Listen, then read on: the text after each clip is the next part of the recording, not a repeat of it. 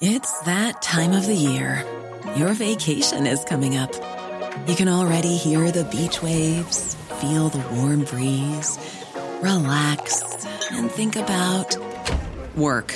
You really, really want it all to work out while you're away. Monday.com gives you and the team that peace of mind. When all work is on one platform and everyone's in sync, things just flow wherever you are. Tap the banner to go to Monday.com. I'm Sandra, and I'm just the professional your small business was looking for. But you didn't hire me because you didn't use LinkedIn jobs. LinkedIn has professionals you can't find anywhere else, including those who aren't actively looking for a new job but might be open to the perfect role, like me. In a given month, over 70% of LinkedIn users don't visit other leading job sites. So if you're not looking on LinkedIn, you'll miss out on great candidates like Sandra. Start hiring professionals like a professional. Post your free job on linkedin.com/people today. Burrow's furniture is built for the way you live. From ensuring easy assembly and disassembly to honoring highly requested new colors for their award-winning seating, they always have their customers in mind. Their modular seating is made out of durable materials to last and grow with you. And with Burrow, you always get fast, free shipping. Get up to 60% off during Burrow's Memorial Day sale at burrow.com slash ACAST. That's burrow.com slash ACAST. burrow.com slash ACAST.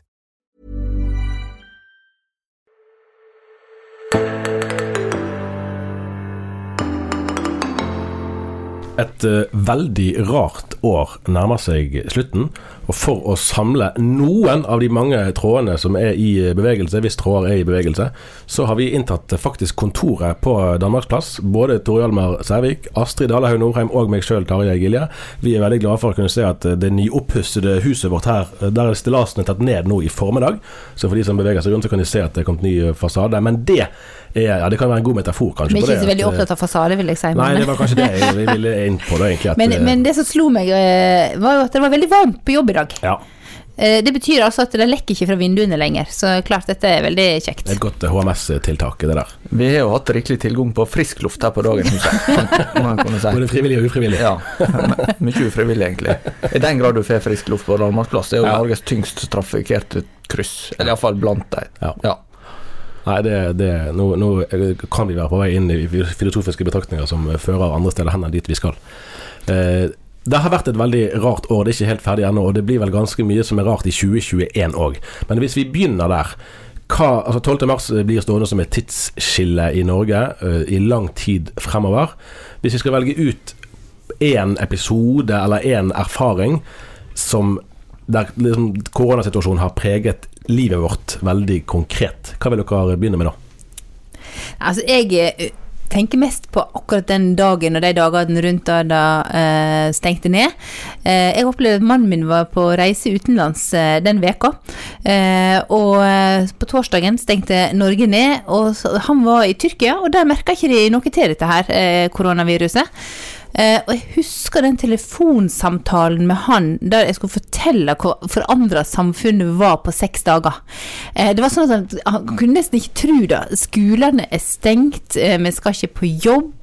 Eh, fly, de kommer til å stenge flyplassene, vi vet ikke om du kommer hjem. Det var helt absurd samtale å ha. Eh, og det ble veldig tydelig, fordi at det, mye vi hadde endret oss på seks dager. For vi skjønte nå skjer det, nå skjer det, nå skjer det. Og så bare venta vi på at det skulle skje, og så skjedde det. Når man ikke hadde vært med på den, så øh, den prosessen, så skjønner du den enorme endringen vi gjennomgikk på veldig kort tid. Vi hadde jo prøvd å teste litt, helt konkret her. Funker det å lage avis når hele gjengen sitter på hjemmekontor? Og Det var det flere som gjorde i dagene før 12. mars. Og det gikk jo egentlig bedre enn uh... Vi, hadde, vi, vi så hva som kom, så vi begynte å flytte ut folk. Vi lagde en plan, og når det kom, så var vi egentlig kommet ganske langt. Men da heiv vi oss rundt og flytta ut uh, det siste, desken. Uh, og gjorde ting som hadde dere sagt til oss to måneder før at vi skulle flytte desken, så vi tenkte det er ikke mulig. Men det ble mulig i løpet av noen timer. Alt ble mulig. Det viser hvor ekstremt fleksible vi er, tror jeg. Hvordan har det gått det der, egentlig? Hjemmekontor og sånn. Jeg tror det, er noe når alle skjønner at sånn må det være. Så må du bare finne en løsning. Eh, da er ikke det tid til veldig lange utgreiinger og eh, mye prinsipiell tenking. Du må finne en løsning. Alle finner en løsning.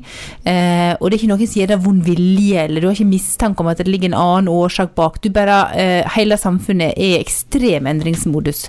Eh, så det har gått overraskende bra. Eh, det har jo vært avhengig av at vi har hatt veldig gode kommunikasjonskanaler digitalt og sånn. Eh, Men jeg må si at jeg er utrolig imponert over alle journalistene her, og eh, hører samme fra andre mediebedrifter, at eh, det er en ekstrem fleksibilitet. Hva sier du til Mark? Hva er det du husker best? Du, du har vært litt sånn der, Vi må ikke drive og snakke for mye om korona. Flere ganger egentlig i høst. Nei, det kan lett bli betraktninger over, eh, over samme tema, kanskje. Eh, og hvor rart det, og spesielt det der har vært. Men jeg tenker faktisk tilbake på en liten pause jeg hadde på eh, i Nederland. Flyplass- flyplassen i Amsterdam, starten av altså. mars i eh, 2020. Jeg hadde vært på en konferanse i Østerrike av alle plasser. For de som husker litt tilbake så var det jo der det for alvor begynte i Europa. stemmer, stemmer. Men det var i Tirol, jeg var i Wien. Eh, og, og dermed så eh, Underveis Jeg var litt i tvil om jeg skulle reise dit, men jeg tenkte at eh, det, det går sikkert bra. Eh, og så eh, var jeg der nede, men underveis så fikk jeg sånn følelse at nå er det kanskje dette begynt å bli litt mer alvorlig enn jeg hadde sett for meg. Altså på vei ned til Østerrike? Nei, på vei tilbake, eller oh, ja, underveis egentlig der Ja, nede. Oh, ja. Eh, og, og jeg forsto at det blomstra i Italia, og at Ja, jeg var innom en italiensk restaurant, husker jeg, så tenkte jeg liksom Oi, hva kan være i bevegelse her? Sånn at eh, når jeg kom på Skippol, da på vei opp igjen, så, eh, så, så fikk jeg en sånn følelse at eh, det var en, en lørdag kveld, og det var litt sånn stillere der enn det ofte kan være. Og da, da tenkte jeg litt sånn Oi, eh, nå, nå er vi kanskje Dette er litt annerledes enn det har vært før. Eh, men men eh, jeg så ikke for meg at jeg skulle bli sendt i karantene noen dager etter at jeg kom Nei, for det eh, gjorde hjem. du jo.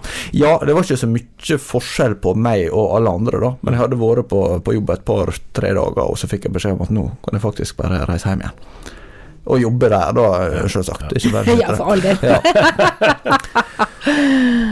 Så ja, det, men ellers så, så er det jo på en måte den eh, digitale virkeligheten vi har vært i, som, som kommer til å sitte igjen, tror jeg.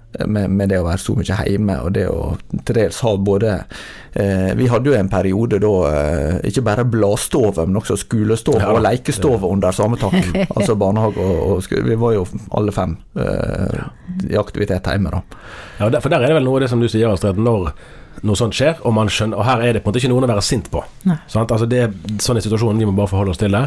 Så kan du klare ganske mye for en stund. Og det med å ha altså, som har både barnehagebarn og skolebarn hjemme, og samtidig to stykker som skal jobbe alle fire, fem eller seks år, avhengig av hvor mange barn man har, under samme tak, den perioden eh, Ja, den tror jeg må de skrevet bøker om, sikkert. For det er liksom en, en tid som egentlig var enda mer spesielt enn det vi gjerne innser der og da. For da må du bare tilpasse deg. Ja, de bøkene er jo begynt å komme. Ja, det er det sikkert. Og jeg har faktisk, eh, nå når vaksinen eh, kom, så tenkte jeg at nå må jeg egentlig skrive litt dagbok. Mm. Hvordan er det egentlig? For du er så tilpasningsdyktig at du bare gjør det du må, og så uh, glemmer du egentlig litt å skrive eller notere deg hvordan har vi det akkurat her og nå.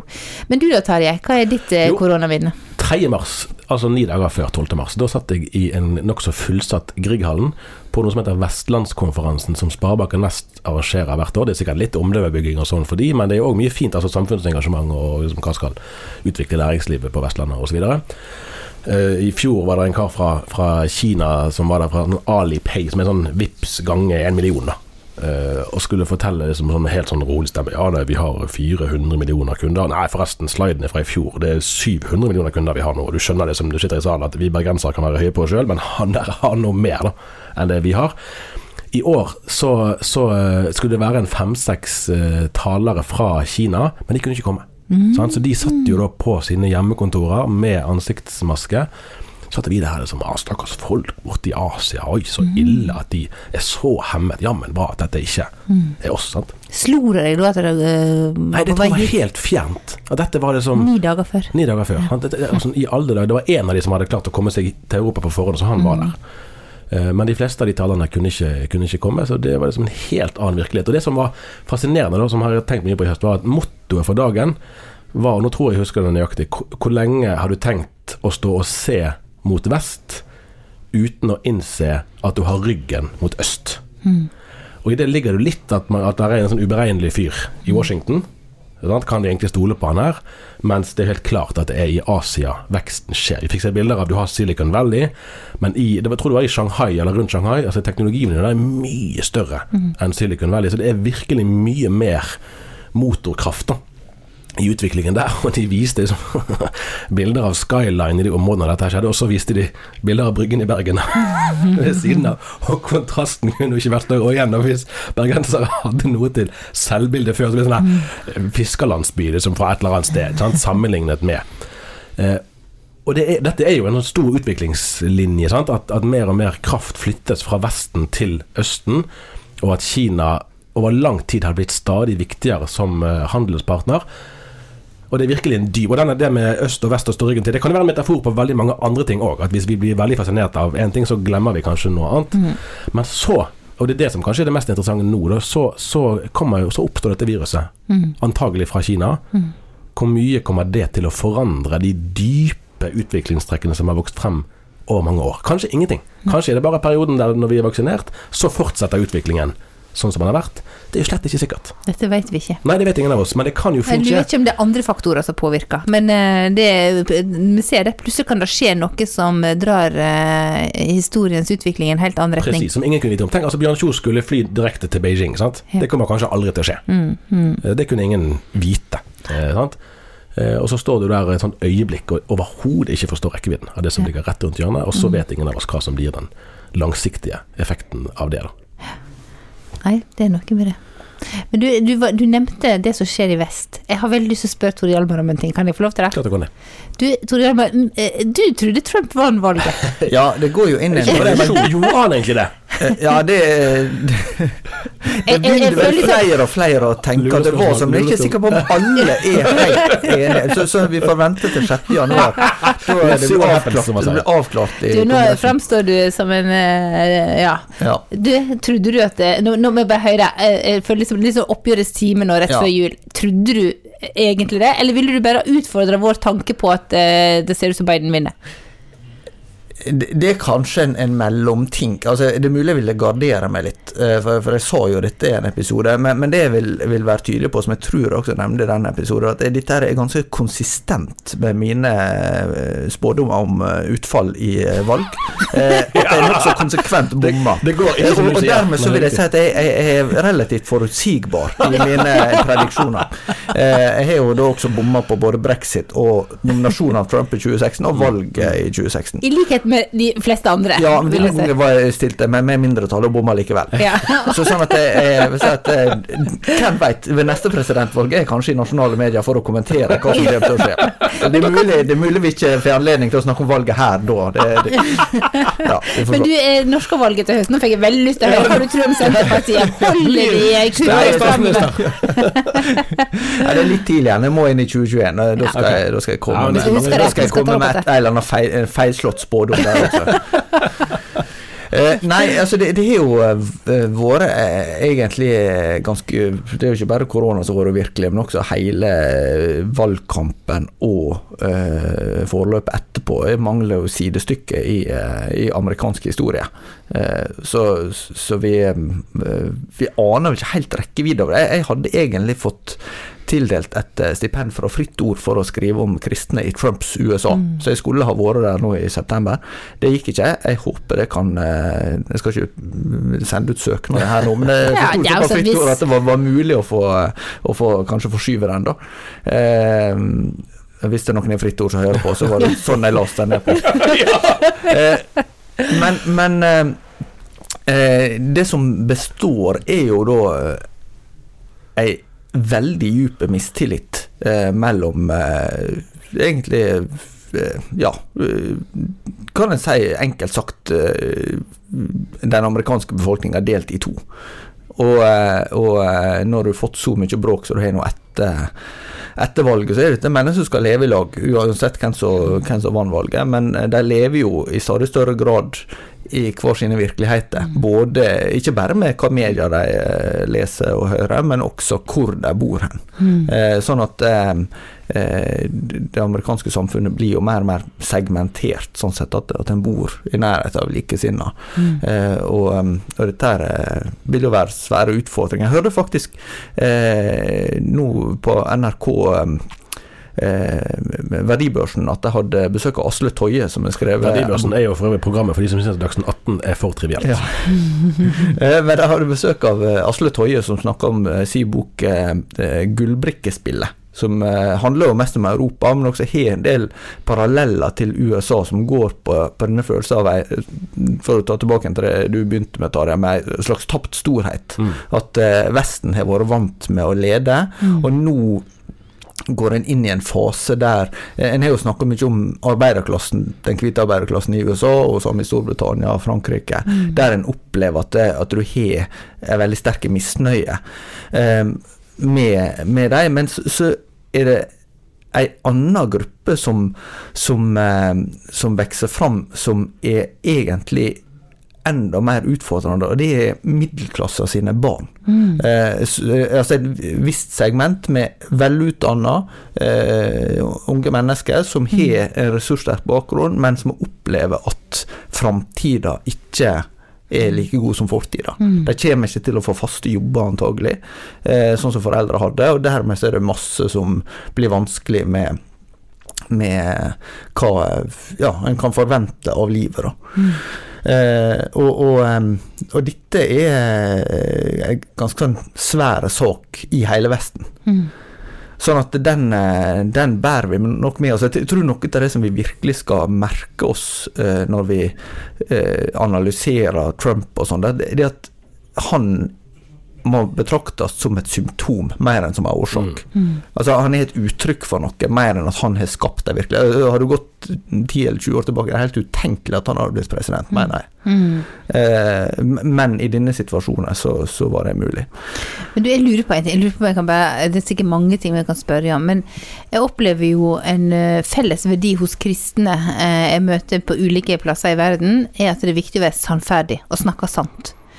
Eh, vi vet jo at eh, Trump forholder seg veldig fleksibelt til sannhet, eh, for å si det mildt. Men, og akkurat dette syns jeg det er vanskelig å forstå. Hvorfor er det da så mange kristne som velger å støtte han i tjukt og tynt? Jeg tror at dette her er blitt forsterka av eh, to ting. Det ene er sikkert flere, men to ting jeg tenker på spontant. Det ene er at Trump har kommet med noen valgløfter som eh, var veldig viktig for eh, hvite evangeliske kristne i USA. Eh, og de eh, har han faktisk oppfylt. Når det gjelder konservative høyesterettsdommere, flytta ambassaden fra, i Israel fra Tel Aviv til Jerusalem, eh, og eh, en del markeringer når det gjelder eh, eh, abort, og når det gjelder eh, muligheter for, for kristne skoler og, og sånne ting, så, så har han på en måte levert varen med, der de tidligere har vært vant med mer Kanskje at det det har vært en viss avstand mellom løfte og realiteter. Og så er det viktig å huske at, at eh, når vi snakker om hvite eh, evangeliske kristne i USA, så er de i overveiende grad republikanere.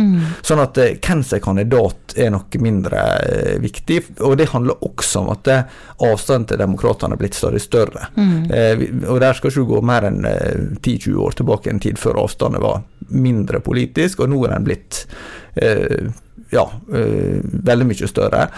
Og da tror jeg også, da, da kommer til punkt to, at når du får en sånn polarisering, så, så skjer det noe med debattklimaet. Og det, det er litt som dynamikken som jeg kan se i kommentarfelt eller, eller eh, ja, eh, på Facebook eller hvor det skal være, at hvis du får de rette fiendene, så blir også konsolidering rundt en som ikke nødvendigvis uttrykker seg helt presist, men som kjemper for rett sak.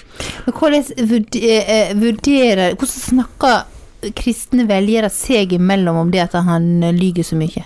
Det tror jeg varierer ganske mye. Her er det jo også mer sammensatt enn Jeg har en, en eh, blitt kjent med en eh, teolog som bor i Texas, som jeg snakker med innimellom.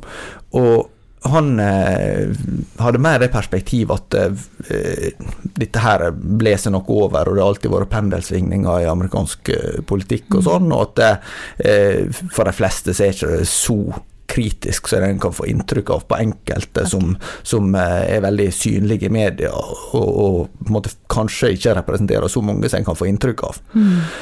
Um, Så man men tenker, vi, vi står fast med stemmer republikansk, for tross alt så er det de som har de rette sakene, og så varierer det litt hvem som er presidentkandidat og hva han sier til hver tid, men vi vet at vi er på rett parti, da, på en Ja, måte. er det ja, litt slik som er jeg- man toner ned det som man kaller Altså i stedet for at sannhet er på en måte en kjerneverdi som er viktig, så blir det en sånn periferiverdi, til det andre ting som er viktigere, og så Ja, for, for, for en vil jo Det blir jo også lett det en kaller whataboutism. Ja. Eh, at, mm. du kan si at eh, ja da, det, det var ikke helt rett det, eller det var ikke helt rett, men hva med demokratene? Ja. Hva de har gjort? Og, hva de, og, og da, da blir det litt sånn Du kommer ikke så mye vei med det, da, for, fordi du, det viktige er hva du skal oppnå.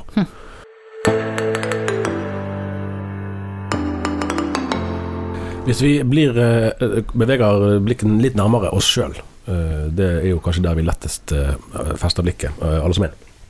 Jeg tenker på hva vi har eh, skrevet om i år som har gjort ekstra inntrykk, eller som vi har vært spesielt opptatt av. Da er det jo kanskje naturlig å begynne med denne Kristen-Norge-undersøkelsen som vi har snakket litt om her før, og som nå er nesten ferdig. Altså Vi har vel ett spørsmål igjen der vi ikke har publisert eh, resultatene.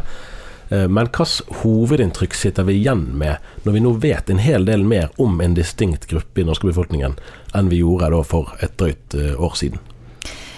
Vi sitter jo igjen med et inntrykk der vi ser at uh, Kristen-Norge på en del punkter skiller seg markant, uh, eller tydelig, uh, fra normalbefolkningen, som jeg sier i statistikken. Vi har ledd mye av det her. Men nordmenn flest, da. Sånn at det har noe å bety om man er gudstjenesteaktiv eller ikke. Eh, blant annet så ser vi jo på partiet, kanskje ikke så veldig overraskende, da, at eh, du har jo et eh, Kristelig Folkeparti der kristenfolket er på en måte hovedmålgruppa. Eh, og der, der fikk vi jo til de grader bekrefta. Eh, KrF har jo Ja, rent det, er det er ikke så overraskende, men det er jo likevel en veldig altså en, Der er det stor forskjell i stemmegivningen til den Ja, ja, helt kontra- enormt. sant? Altså, eh, KrF har rent flertall eh, blant de kirkeaktive, de som går til gudstjeneste åtte ganger i år eller mer. Eh, mens det som var kanskje mest overraskende der, eh, var jo hvor eh, nesten forsvinnende lite eller vekke Frp. Mm. Eh, ved sist kommunevalg så var det 1,5% som stemte Frp. Eh, så det, det var jo det. Det var kanskje ikke så overraskende. Jeg var spent på klimaspørsmålet, eh, men eh, der eh, fant vi ut at eh, kristne er mye mer bekymra for store klimaendringer. Og så har du ei lita gruppe, eh, der stort sett er pinsevenner, eh, som er veldig lite bekymra. Men eh, hovedbildet er at det er, det er, man er mye mer bekymra. Eh, og så var det et interessant spørsmål om alkohol, som vi òg hadde eh, i januar i fjor. Det må tro vi måtte utsette litt. Vi, vi valgte altså sånn med å få noen til å snakke om at de drakk alkohol. Det var interessant. Det var veldig Det var kanskje, det var jo, det var det var jo en del som gjorde det. Ja, ja, ja, Det var en signifikant økning. Eller det var vel, eller for å si det på den måten, økning vet vi jo for så vidt strengt at det ikke, vi har ikke gjort tilsvarende undersøkelser før. Mm. Men det var en høyere andel aktive kristne som var ikke avholds enn det man gjerne forventer. Ja, det, det var jo en av de tingene vi ikke visste. Sant? Så vi, jeg husker at vi gikk og spurte hvor mange er det nå som er avholds eller ikke. Eh, og det er to av tre eh, drikker alkohol eh, av de kirkeaktive. Eh, og interessant nok, eh, en del begynner å drikke når de passerer 45. Eh, kanskje ikke så overraskende heller for oss som vært i småbarnsfasen, når du vet at det, livet går litt i faser. Eh, man er i en litt annen fase over 45, vi vil tro det, da. Eh, men jeg merker at det var kjempevanskelig for folk. Eh, de kan godt si til oss at de tar seg et glass, eh, men de ikke, ville ikke snakke om det i avisa. Iallfall ikke i dag ennå. Jeg blir litt fascinert. Hvis jeg kan bare trekke en liten sånn sidespor til noe helt nylig. For vi hadde jo da eh, en eller to uker siden en stor sånn test på alkoholfritt juleøl. Og det er jo litt, der er jo litt morsom dramaturgi rundt det, for vi gjorde noe lignende med, med alkoholfri vin for eh, ja, seks-syv år siden. For da hadde vi en medarbeider som hadde jobbet på Vinmonopolet før, så han kunne en del om, om det her. Han ble i, i en situasjon spurt om han så noe likhetstrekk mellom Vinmonopolet og Dagen som arbeidsgiver. Og da svarte han at begge har et religiøst forhold til det de holder på med. Nei, for det var, det var litt morsomt på den måten at for en avholdsperson, så liksom når dagen presenterer alkoholfrie alternativer til øl og vin, så kan man jo ikke på en måte være imot det. På en annen side så er det klart at man er i et landskap der en del er ukomfortable. Og det Og det kommer jo alltid eh, reaksjoner på sånne saker. Og som ok, jeg opplever at her er det sånn skjult agenda, eller noe flørtende ting man ikke burde flørte med, osv. Og, og så hadde vi jo òg ved siden av den testen intervju med en hel del kristenledere om hva de drakk til julemiddagen. Og der var det vel ingen der som, som, sa noe, som ga uttrykk for noe annet enn uh, avholdspraksis da, til julemåltidet. Altså, nå har jeg ikke jeg studert det kjempenøye, men jeg kan ikke huske at jeg så noen andre, i alle fall. Men jeg tenker jo at eh, da kan det jo bare bety at man drikker eh, brus eller alkoholfritt øl eller hva det var, til julemiddagen. For det var det med om, så vidt jeg husker. ja. Eh, men at man kan ta et glass vin i en annen sammenheng, dette er jo litt av poenget til, av til avholdsorganisasjonen. Sant? At du må eh, ha noen alkoholfrie soner. Og er det ei sone som eh, definitivt går inn forbi det, så er det jo ju, typisk julemiddag med masse unger til stades. Ja. Så eh, jeg, jeg, jeg eh, tenker nok at eh, det, det betyr ikke at alle avholds, Nei da, uten at jeg kan vite det, da, på noen måte.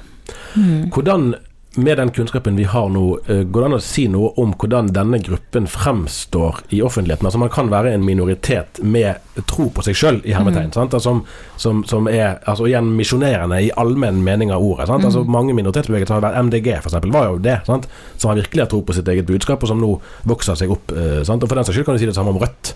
Som, som virkelig har vært ja. uglesett òg. Jeg, jeg, tenkte på det nå, for jeg, eh, uten å røpe for mye, så, så driver vi og produserer litt eh, stoff til, eh, til avisen som skal komme eh, i romjula og, mm. og rett over nyttår allerede. Og en av dem er at jeg har skrevet om bygging av en ny kirke i Ålesund kommune. Det er jo et indre bydel i Ålesund som finnes det største sognet i Den norske kirke. Og de har egentlig arbeidet i over 50 år for å få ei, ei ny kirke der, og nå har politikerne, eh, eller flertallet da, i Ålesund bystyre, gått inn for å, å få i gang det prosjektet. i fall sånn, Ikke endelig vedtak, men det ser ut som at det skal, det skal komme. Det kommer på økonomiplan nå. Og da engasjerer jo Rødt seg imot. Ikke sant? Og skriver skarpt innlegg i Sunnmørsposten, men dette er helt feil prioritering. Eh, og det, det er jo et lite parti. Sant? Det, det har én representant i Ålesund bystyre, men de har vært konsistente og forteller om tilbake til 80-tallet. De hadde oppsøkt kirke og bedehus på en søndag for å sjekke er det behov for flere plasser. Nei, det er ikke behov for flere plasser. Det er det fortsatt ikke. De kan. Og, og, og det slo meg som et godt eksempel da, på det du sier til de, De er en type minoritet som profilerer seg på noe som er et minoritetsstandpunkt. Ja, altså sånn, Du ja. kan diskutere, kan, Kanskje det er flere nå enn det vil Ja. være på 80-tallet som sier at denne kirka er ikke nødvendig. Og det er under en mil til nærmeste kirke om du bygger en ny kirke bare for at du må ha mange konfirmasjonsgudstjenester og, og mange julegudstjenester eh, osv. Men, men, men de har på en måte vært konsistente med det at de, eh, de har en, minoritetsposisjon som de forfekter ganske ivrig. da. Men du tenkte i forhold til Kristen-Norge og eh, Ja, altså fordi at, for det, det er jo det ene alternativet. Det er jo å være en frimodig minoritet som ønsker liksom å være en stemme i samfunnet sant? og ønsker å øve innflytelse. Eh, ikke så sjelden sitter i hvert fall jeg med en følelse av at den frimodigheten ikke er like lett å få øye på da, i de miljøene som har vært gjenstand for denne undersøkelsen. Eh, at der, der er man litt mer sånn Ja, finner ikke helt ut av rollen som, som den minoriteten. Hva, hva gjør at du tenker det ut fra undersøkelsen?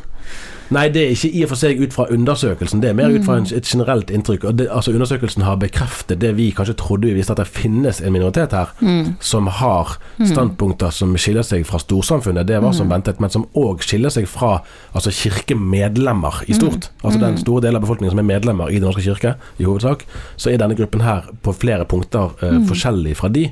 Likevel så Og disse her, det er jo kanskje et par hundre tusen mennesker eller noe sånt i, i denne gruppen, så det er ganske mange sånn i tall. Men, men eh, på flere av de punktene for eksempel, det er altså, det åpenbart kanskje mest omstridte er jo synet på ekteskapet.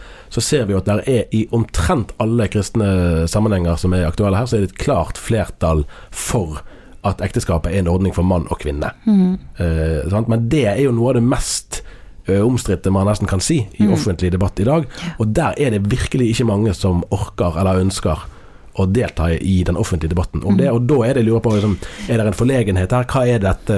Hvordan det- fyller man rollen, da? Ja, Det er et veldig godt spørsmål, og jeg tror det er et spørsmål eh, Altså Når det gjelder i, i det store og hele, så, så hadde vi jo det første spørsmålet vi hadde i fjor, for et år siden, det var jo i hva grad eh, aktive kristne syns det var vanskelig å være kristen i Norge i dag.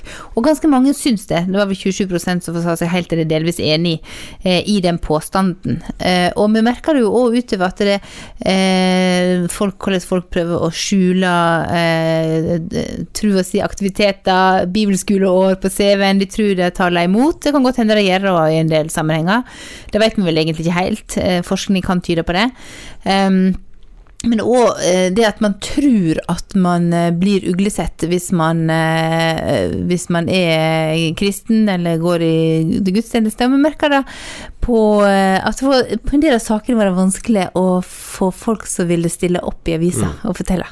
Men, men Eh, her er vel også, en, også en, et kompliserende faktor med fenomenet internett. Mm. Fordi det er søkbart. Mm. det Jeg snakka med en, en eh, forsamlingsleder i, eh, i eh, ja, eh, forsamling tilknytta en, en eh, misjonsorganisasjon, som eh, påpekte at de hadde også hatt talere Mm. eh, som, som helst ikke Eller ville ha sletta podkast-taler som, Mm. som ble publisert. Da. Og da har du vært ganske frimodig i utgangspunktet. Mm. Men sier at en tale, men så blir det et Ja. eh, er Iallfall enkelte som opplever det som en utfordring når en skal Mm. søke en jobb eller sånn. Ja.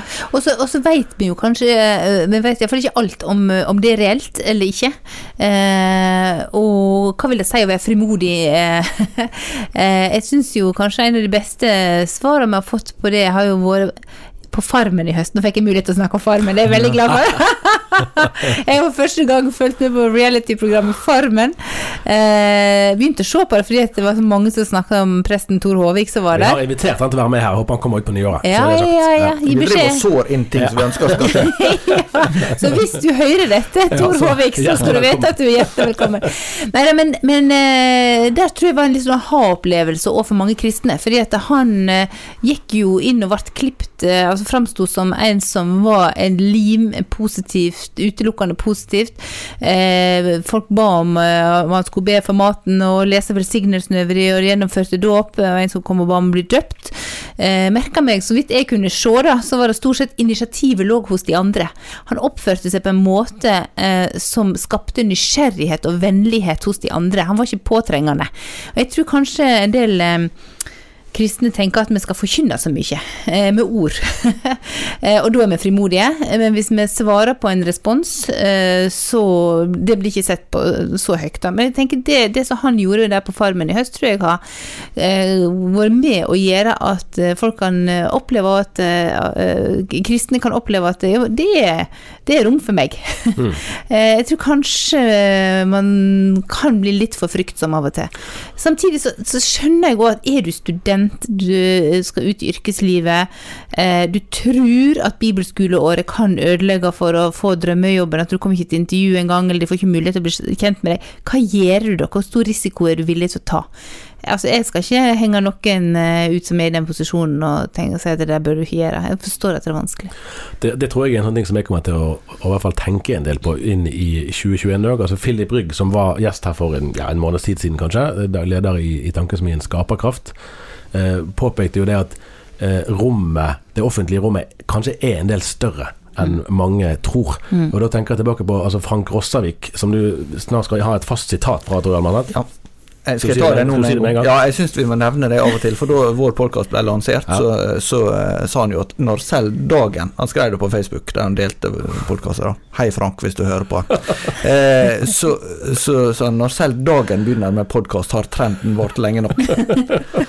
Ja, Nei, vi får tåle det. Men han sa, det tror jeg det må være tolv år siden, at, at han etterlyste de konservative kristne stemmene i offentligheten. Og det, og det var jo uh, sympatisk, for han sjøl vil nok absolutt ikke regne seg i, i den kategorien. Uh, og så har det gått nå da over ti år, og egentlig, hvor mange er det som har prøvd å ta han på ordet? Eh, Det, det, det er jo absolutt en del som har prøvd, men det, jeg vil jo si at det ikke er så fryktelig mange. Eh, mens du gjerne hører litt, og kanskje ikke først og fremst med høylytte offentlig ytringer, men kanskje mer hvis du snakker med folk at man er redde da for Ja, men hvis jeg sier det offentlig, da skjer jo sånn og sånn og sånn. og sånn. Eh, og kanskje gjør det det. Kanskje er det helt riktig. Eh, men jeg tror at i en del tilfeller så er det litt en sånn selvoppfyllende profeti. At man er, man er engstelig for at hvis jeg et eller annet, så, så går det gale. Og så er det ikke nødvendigvis helt sånn. Og der er jo Tor Håvik kanskje et, et godt eksempel på at det går an å fylle det rommet på en annen måte. Og da er kanskje mulighetene en god del større enn man først Altså for hvis man opprettholder en sånn følelse av at eh, stakkars oss, de liker oss ikke, vi må liksom holde på for oss sjøl i det skjulte, da blir jo på en måte skyttergraven dypere og dypere. Og dypere Og da kan du jo nærme deg en sånn tillitskrise som vi snakker om fra USA, selv om selvfølgelig størrelsesforholdene her er forskjellige, men at man liksom føler seg mer og mer på avstand fra samfunnet rundt, og tør Og etter hvert så vet man kanskje ikke helt hvor man skal snakke med, med omgivelsene rundt, og opplever at orienteringen er veldig uh, ulik. Og det kan jo Altså, det blir ikke lettere å være ung kristen. Eh, hvis det er sånn det er. Ja, hvis det er sånn det er. Jeg, jeg syns jeg hørte Brenn, Anne, Anne Solfrid Brennhovd eh, fra Damaris som var på besøk her hos dere. Eh, og hun eh, Der drøfter dere jo litt hvorfor blir eh, kristne ofte liksom karikert framstilt i film. Eh, og da var hun utfordra egentlig en del eh, kristne. Ja, hvorfor er det sånn at kristne blir ofte framstilt som snerpet og sure ovenfra og ned, da? Eh, kanskje skal man tenke seg litt om, eh, for det er noen som har skapt den rollen. Eh, og det må være en, en viss gjenkjennelse i det, eh, siden man kan opprettholde sånne filmroller, da, typisk. Jeg tror man skal ta med seg den eh, utfordringen nå, da. Kan jeg da benytte anledninga til å, å som avholdsmann fortelle en, en vits på egen bekostning? Den, den hørte jeg faktisk fra en som var pressesekretær for Margaret Thatcher, altså Storbritannia sin statsminister på 80-tallet. Eh, og han, han var vel sjøl baptist, og han definerte en baptist som en person som aldri, ikke under noen omstendigheter, tar en eneste dråpe alkohol når en annen baptist ser på. Er det derfor kanskje det er så få som vil snakke om sitt alkoholglass i, i dagen? Det kan jo være. Men det er jo litt utfordring til oss òg, da. Eh, sant? Hvorfor, eh, hvorfor, skal, eh, hvorfor, hvorfor skal ikke man kunne snakke om det i dagen? Det er Litt som jeg du sa til å begynne med, at vi må ikke være så opptatt av fasader. Ja, det var det. det, var det. Skal vi til, til slutt uh, li- unna oss ei lita juleanbefaling? Eh, Et eller annet som vi kan, uh, som vi kan foreslå å gjøre. Jeg kan begynne sjøl med det dere tenker. da. Uh, og- det, det ene er jo eh, Jeg tenker at eh, Har ikke, har ikke en lest Pappa Panovs juledag av Leo Tolstoy? sånn dannet mann, du. Ja, men det er jo så kort. Du leser den, leser den høyt for ungene dine. Men, Eh, men nå begynte jeg å lure på hva- skal, Nå begynte jeg å tenke veldig fort. Hva skal jeg nå Det kan være hva som helst. Det kan være hva som helst. Men, men den vil jeg sterkt, sterkt anbefale, altså. Det, den, den, den er veldig fin og kort, og du kan finne den på nettsiden til Nasjonalbiblioteket. Eh, men ellers så, så finnes det jo også, også f.eks. Narnia-filmene lett tilgjengelig, tror jeg, på nettet nå. Eh, så så at, det var et par, par forslag. Nå har dere fått tenkt dere litt om. Skal skal jeg snakke først? Astrid? Ja, vær så god. Du har jo hørt en julesang i det siste, Tarjei, så du blitt Ja, det er sant. det er sant Jeg har blitt, helt i det siste blitt voldsomt fascinert av et instrumentalparti på Mosaikk sin versjon av 'Deilige jorden'. Og de har vel to juleplater. Det er den eldste av de fra 2002 eller noe sånt. Så Det er jo en sånn detalj for de som, som er glad i musikk og i harmonier og akkorder og akkordganger og sånn.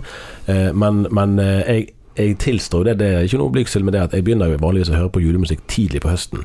Eh, og det gjør jeg som regel i skjul og i bil og sånne ting, når ikke andre kan høre det. For det er jo ikke alle som er like komfortable Jeg kommer da fram, altså. august, september og oktober.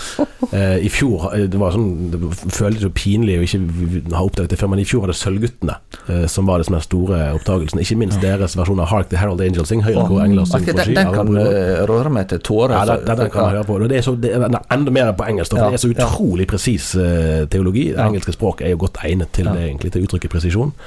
Eh, men, men i det hele tatt, da, at det er så mye Altså jeg har Første juledag var jo julegudstjenestedagen før. Sant? Nå er det nesten ingen bare som nerder som går i kirken på første juledag. Men jeg tror jeg har spilt på, på gudstjenestene første juledag nesten hvert år i, siden 1995. Eh, fordi at der kan du fråtse i julesanger. De som kommer til kirken den dagen, de vil ha julesanger. Du trenger ikke å lure på det. Så da kan du synge mange vers av det kimer nå til julefest, og her kommer dine arme små. Eh, Mitt hjerte alltid vanker i det hele tatt. Og det er jo fantastiske eh, sanger. Ja, så det er min anbefaling. Hjelp meg, jeg er så imponert over dere. Nei, eh, juleanbefaling. Jeg har akkurat lest to bøker. Eh, og vi kan eh, veldig ulike, men jeg kan absolutt anbefale begge to for de som eh, liker å synke litt dypt ned i en eh, sofa og lese bøker i jula. Og det ene er 'Hekneveven' eh, Ja. av Lars Mytting, oppfølgeren Han klarte vel det å være på Nytt på Nytt og Lindmo to, to, Ja. to påfølgende fredag. Dette Da fikk du liksom- med deg, altså. Dette er er Ja. imponerende greier. Ja, nei, det er helt eh, fascinerende skildring. Altså, en ting er gammel mytologi og sånn som ligger innvevd. Det kan man jo ta med en klype salt, og likevel ha veldig stor glede av eh, helt fascinerende historisk skildring fra Gudbrandsdalen. Så jeg levde nesten i Gudbrandsdalen en periode, det for et par uker siden. Eh, og så har jeg òg levd litt oppi en eh, øde sidedal eh, borti Idaho i USA. Eh, Tara Westover, ei eh, ung kvinne i 30-åra, amerikansk, oppvokst i en familie. em, som er mormonere, eh, men altså de er ikke akkurat i, midt i kjernen av mormonsk teologi, kan du si. Eh, de har levd helt atskilt fra samfunnet, ikke fødselsregistrert, ikke gått på skole. Eh, Jobba på faren sin eh, eh, som skra, skraphaug, kalte hun det. ja. Han var skraphandler. Eh, og så tar hun steget derifra og reiser til Cambridge og Harvard eh, og tar doktorgrad. Fantastisk oppveksthistorie. Mm. Så det kan jeg eh, anbefale. Men for øvrig vil jeg anbefale å komme oss ut i jula. Det tror jeg vi trenger. Ja, ja, det Ja. Lufta hodet. Der er vel helsemyndighetene på samme lag, Ja. Har jeg inntrykk av. Ja. Jeg skal ned til Rogaland, og det er så fint. Der blåser det nesten alltid, sånn at en, en time ute der, da får du lufta deg veldig godt. Riktig. Ja. Nei, men så fint. Da sier vi takk for nå. Vi, Ja. vi tror man skal jobbe i romjul, så vi er tilbake neste uke. Vi er tilbake. Men i mellomtiden, riktig god jul. God jul.